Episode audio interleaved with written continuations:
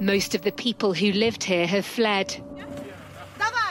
Those who still live here either don't want to leave or can't because of age or illness. De blodiga striderna i Bachmut i östra Ukraina har pågått i över ett halvår. Staden, som tidigare var känd för sina saltgruvor och vinodlingar, är nu en stad i ruiner där kriget utkämpas gata för gata. We see Ukrainian troops from the 93rd Brigade defending this battle-scarred city. På en kvart får du veta vad det är vi inte har förstått om kriget. När Mustafa Jan berättar, precis hemkommen från krigets yttersta front. Det är tisdag den 4 april. Det här är Dagens Story från Svenska Dagbladet med mig, Alexandra Karlsson.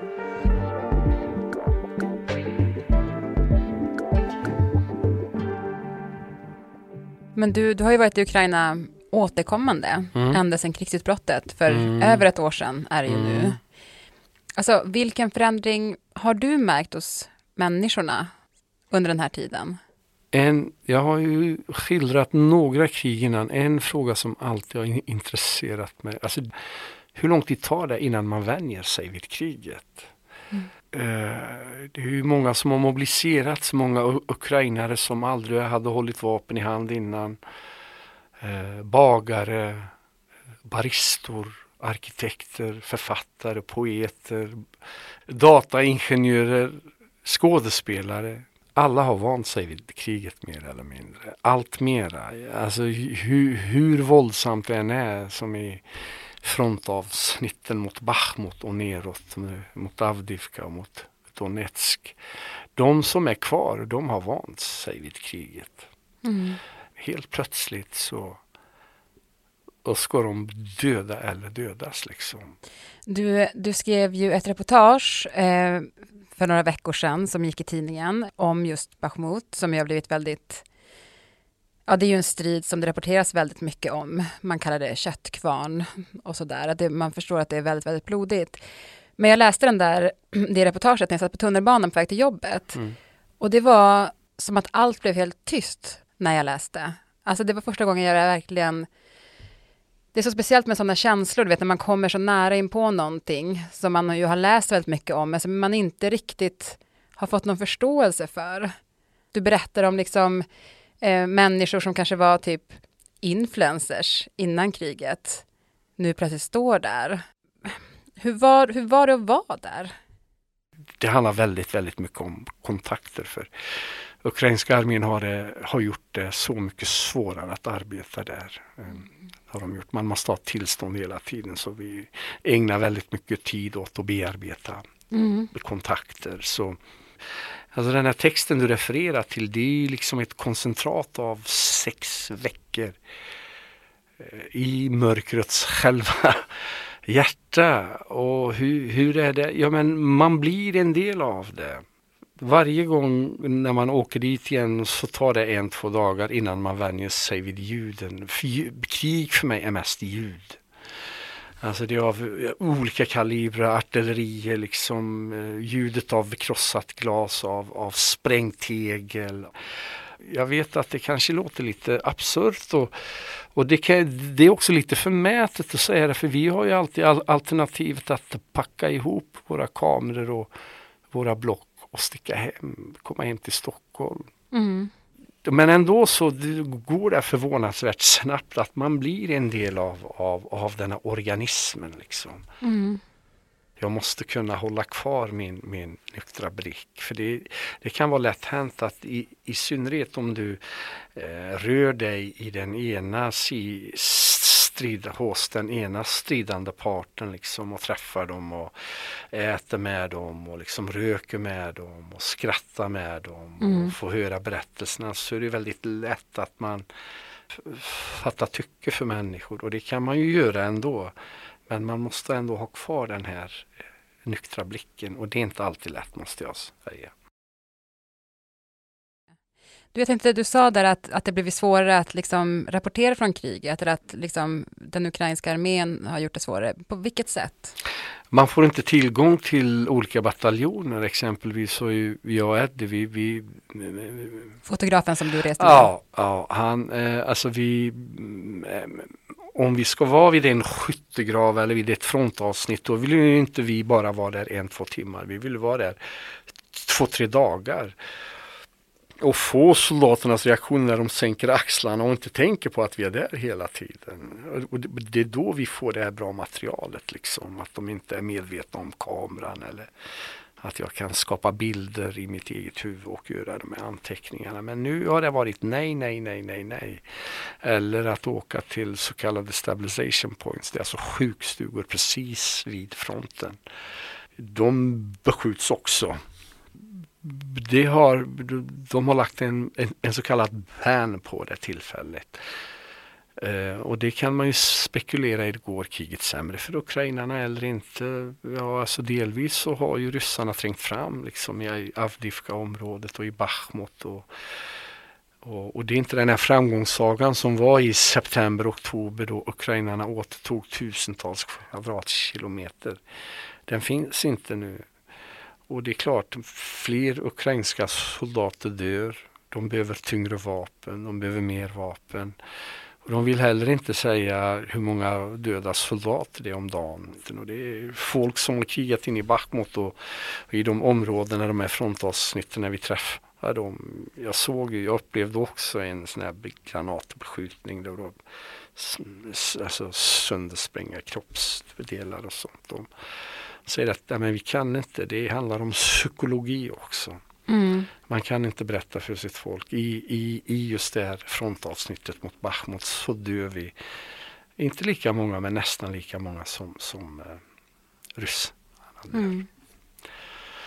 Men, men en sak som är lite svår att förstå eh, när man ser det på håll när det gäller just striden om Bachmut är att det är ju inte en sån himla viktig stad än så ändå så offrar man så mycket folk där.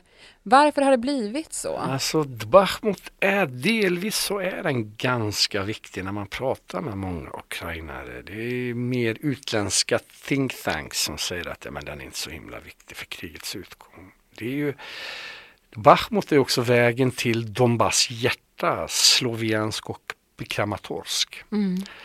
Det, det, är en orsak, men det viktigaste är på grund av mängden död mängden blod som gör att ki, alltså just den platsen får en symbolisk betydelse. Mm. När så många människor har dött, när så många byar och samhällen har sprängts sönder, då vill man, då vill man inte ge motståndarsidan eh, möjligheten att säga kolla efter så hårda strider så, så var det faktiskt vi som vann. Ifrån ukrainskt håll också för att man vill inte ge ryssarna den möjligheten att säga alltså att Putin ska rättfärdiga att kolla nu är vi på väg mot Donbass hjärta här. Man mm. vill inte ge dem den Nej. möjligheten. Och plus att ju längre man strider i Bachmut desto fler ryssar och deras elitstyrkor de dör, i synnerhet de, då, de här eh, legosoldaterna. Wagner. Prigozjins mm. legosoldater. Mm. Wagnergruppen. Och det vet man att eh, allt flera av dem har dött liksom. Mm. Så det, det, är ett par olika orsaker är det. Men det är, och ryssarna vill ju, de vill visa upp en vinst. Mm. För att fortsätta kunna mobilisera och, och, och attackera. Men de här ukrainska soldaterna då som du möter, alltså vad tänker de om framtiden? I kriget finns ingen framtid. Alltså framtiden sträcker sig till kvällen, max till morgondagen. Det är så.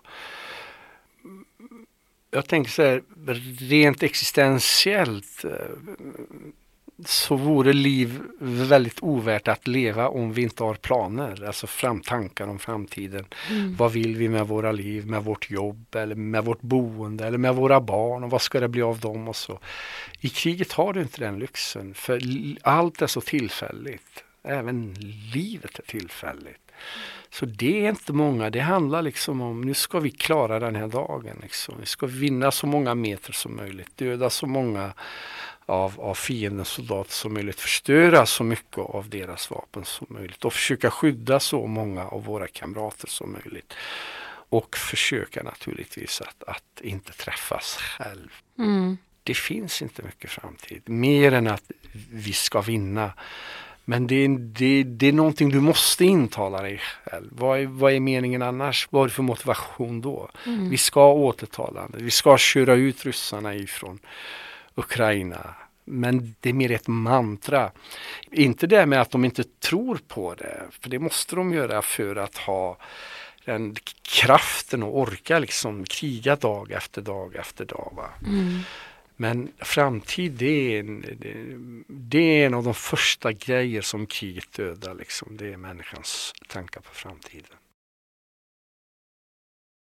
Men jag tänkte att jag skulle avsluta med en fråga som, som jag har tänkt mycket på. Och det är liksom, vad skulle du säga till, till oss som befinner oss här hemma? Alltså vad är det vi inte förstår om kriget? Jag tror nog att det är också det jag och Eddie har försökt att göra. Hur brutalt det är.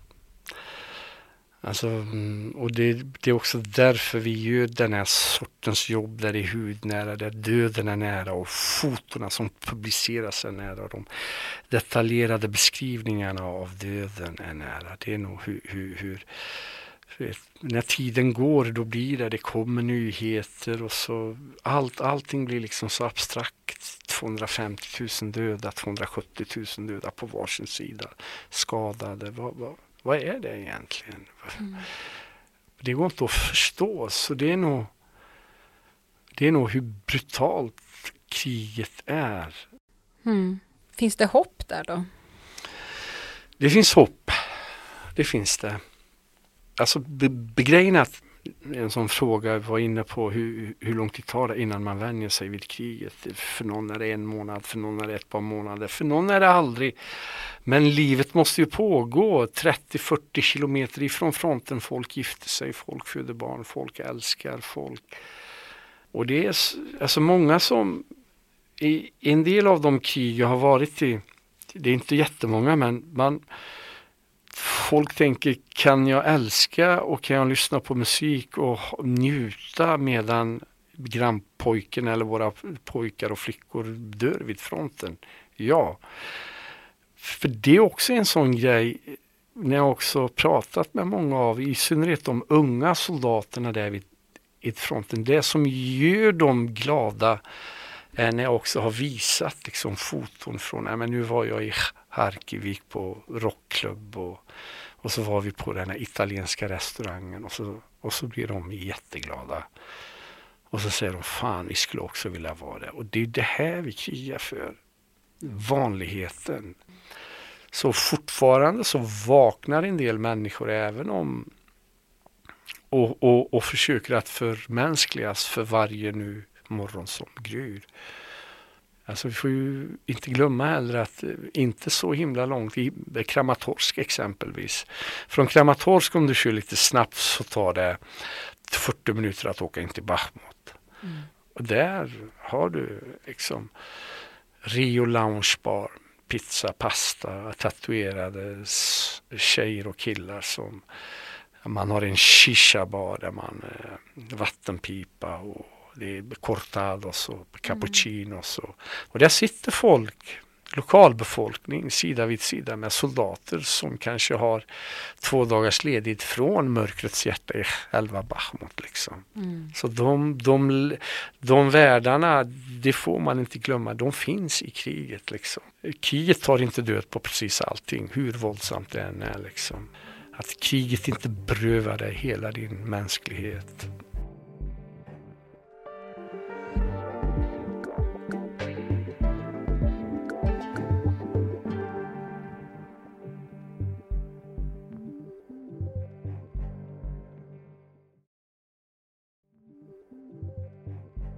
Och programmet idag producerades av Moa Larsson. Redaktör var Teresa Stenler von Matern och jag heter Alexandra Karlsson. Vill du kontakta oss så mejla till dagensstory.svd.se. Och klippen i programmet kom från BBC och CNN